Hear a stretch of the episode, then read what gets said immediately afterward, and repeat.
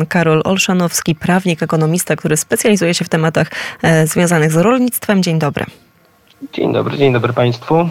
Dzisiaj w mediach pojawiła się nieoficjalna informacja o tym, że Komisja Europejska jest w trakcie ustalenia celu klimatycznego, który naprawdę jest, no, można powiedzieć, niezwykle ambitny. Tutaj e, założenie, że e, ta redukcja, między innymi redukcja emisji gazów cieplarnianych e, będzie aż do, do roku 2040, aż o 90% w stosunku do roku 1990. Proszę powiedzieć, jak ocenia Pan obecną sytuację, bo mieliśmy wielkie protesty i w Niemczech, we Francji, także w Polsce. Czy to, czy to co się dzieje, czy na tym tle może zrodzić się duży wewnętrzny konflikt w Brukseli? Szanowni Państwo, nie tylko w Brukseli, ale w całej Europie. Proszę zauważyć, że protesty rolnicze trwają z przerwami już 5 lat. Zaczęło się w Holandii, później dołączyli Niemcy, Francuzi. Holendrzy w tym czasie zdołali utworzyć własną partię, tak zwane BBB, która ma 20% reprezentację nie tylko w Senacie, ale również w jednostkach samorządowych. Mają realny wpływ na politykę. Ostatnio słyszeliście na pewno Państwo, że Berlin był sparaliżowany nie tylko protestem protestem rolników, ale również protestem kolejarzy, a obecnie blokują Paryż e, rolnicy francuscy. To tutaj myślę, że jest powszechnie wiadomo. Natomiast warto dodać, że tak samo protestowali Polacy 24 stycznia. Litwini zablokowali Wilno 26 stycznia oraz Rumuni e, strajkują innymi na granicy z Ukrainą, protestując przeciwko polityce zarówno Green Dealu, jak i importu e, płodów rolnych z Ukrainy. Także widać, że masowość protestów w roku 2023-2024 szczególnie przybiera coraz większą postać. Natomiast tutaj, co pani redaktor się pytała o mm, redukcję emisji CO2, to tak, oczywiście to jest to powszechnie znane, jest to związane, na początku był to Fit for 55, czyli redukcja o 55% do 2030 roku, a jak wiemy Komisja e, e, Unia Europejska chce do 2050 roku stać się organizacją zeroemisyjną. I tak, tutaj powstaje, mhm. tak jest, ale tutaj powstaje jedno bardzo ważne pytanie, a mianowicie, czy, te, czy ten głos rolników, już z, także z tych państw, można powiedzieć, wiodących w Unii Europejskiej, czy on zostanie wysłuchany? Czy rolnicy mają jakiekolwiek narzędzia, aby faktycznie móc e, lewarować, aby móc wymusić no, na przykład przystopowanie? Mówię tu i o Zielonym Ładzie i teraz, e, i teraz właśnie o tych, o, tych, o tych założeniach, no, które raczej e, są, a może jeszcze zadam inne pytanie, prostsze. Czy te założenia są w ogóle realne? Czy, czy Unia Europejska może je spełnić tak, aby przy okazji nie zabić własnego rolnictwa? Odpowiem na pierwsze pytanie, mimo tego, że zostało niedokończone. Na Zachodzie poparcie rolniczy, rolniczych protestów jest dosyć masowe. Widziałem najnowsze dane z Niemiec, gdzie na próby, proszę e, zwrócić uwagę, 35 tysięcy ankietowanych. To jest bardzo duża próba badawcza. Ponad 80% społeczeństwa wyraziło aprobatę i zrozumienie dla protestów rolników. We Francji ten odsetek jest jeszcze wyższy, ponieważ sięga 87%, a jeżeli weźmiemy po, pod uwagę poszczególne partie, na przykład Front Narodowy, Narodowy Marie Le Pen, to tam poparcie jest właściwie całkowite, sięgające 95%. E, jak wspominałem, Holendrzy, mimo że gospodarstw rolnych w Holandii jest 50 tysięcy, kraj jest wysoko e, zurbanizowany, a mimo wszystko mają 20% nie tylko poparcie społeczne, ale mają poparcie, e, które jest wyrażone w mandatach. Jak wspomniałem, między innymi w Senacie, mają też reprezentację w Izbie Niższej Parlamentu.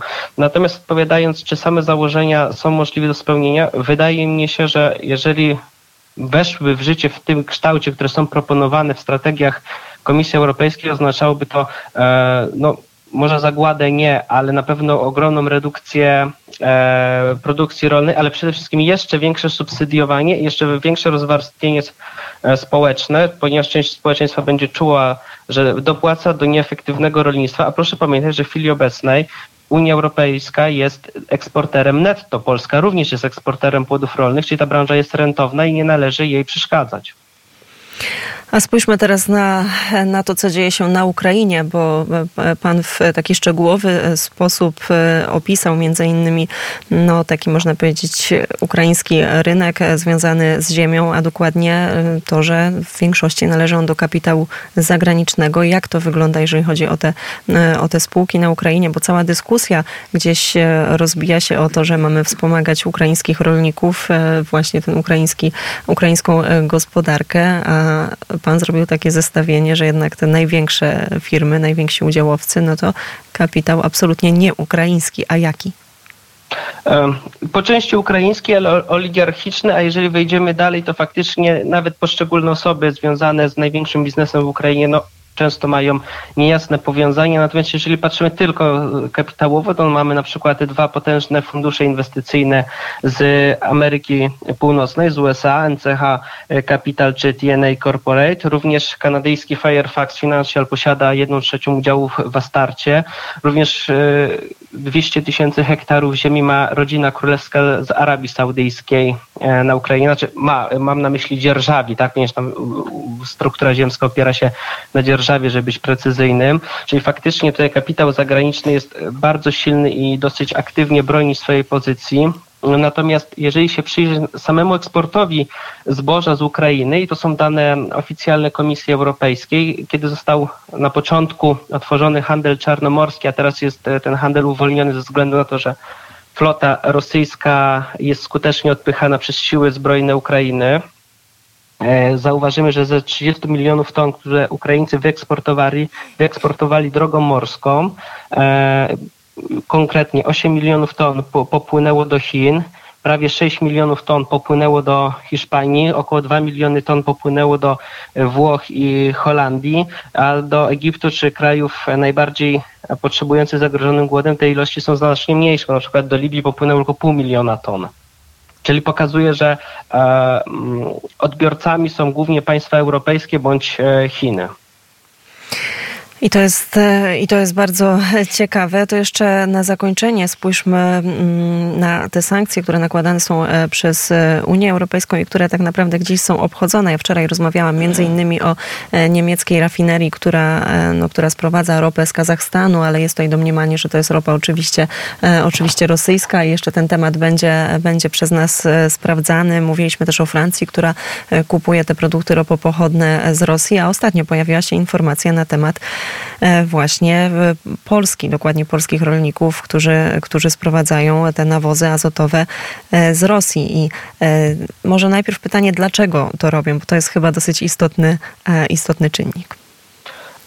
Pani redaktor, jeszcze precyzując Pani pytanie, myślę, że nie tylko wymienione przez Panią kraje handlują z Rosją w sposób nieformalny, ponieważ widać, jak dużym partnerem na przykład dla partnerów europejskich stał się malutki Kirgistan czy Armenia, ze względu na to, że są członkami Unii Euroazjatyckiej i mają dostęp do rynku rosyjskiego, a obroty tam często wzrastały 10 tysięcy e, razy, tak? Także pokazuje, że jednak ten handel się odbywa e, pokątnie. Natomiast co do samego problemu importu nawozów, nie jest on problemem nowym, ponieważ jak tylko ceny nawozu zaczęły gwałtownie rosnąć, czyli w 2022 roku osiągały astronomiczne mm, e, kwoty, na przykład 5 tysięcy złotych za tonę, e, wtedy już się pojawiał na polskim rynku mocznik tak zwany z Turkmenistanu, z Azerbejdżanu, e, wtedy już ten import się pojawił, natomiast faktycznie teraz są zakupy E, produktów rosyjskich i nawet zerknąłem do